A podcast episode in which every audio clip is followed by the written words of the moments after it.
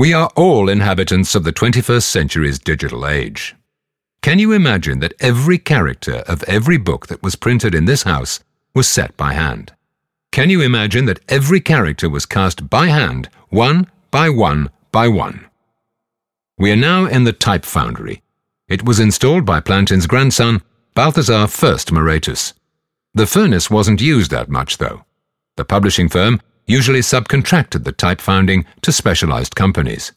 The tiled floor reduced the risk of fire. Plantin attached a lot of importance to typeface. It indeed made all the difference when you compare him with his competitors. Plantin often works with exclusive French type families. No wonder he was a Frenchman after all.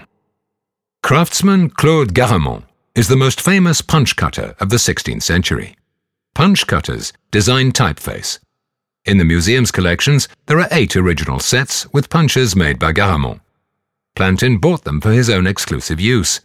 In doing this, he surpassed the Antwerp competition.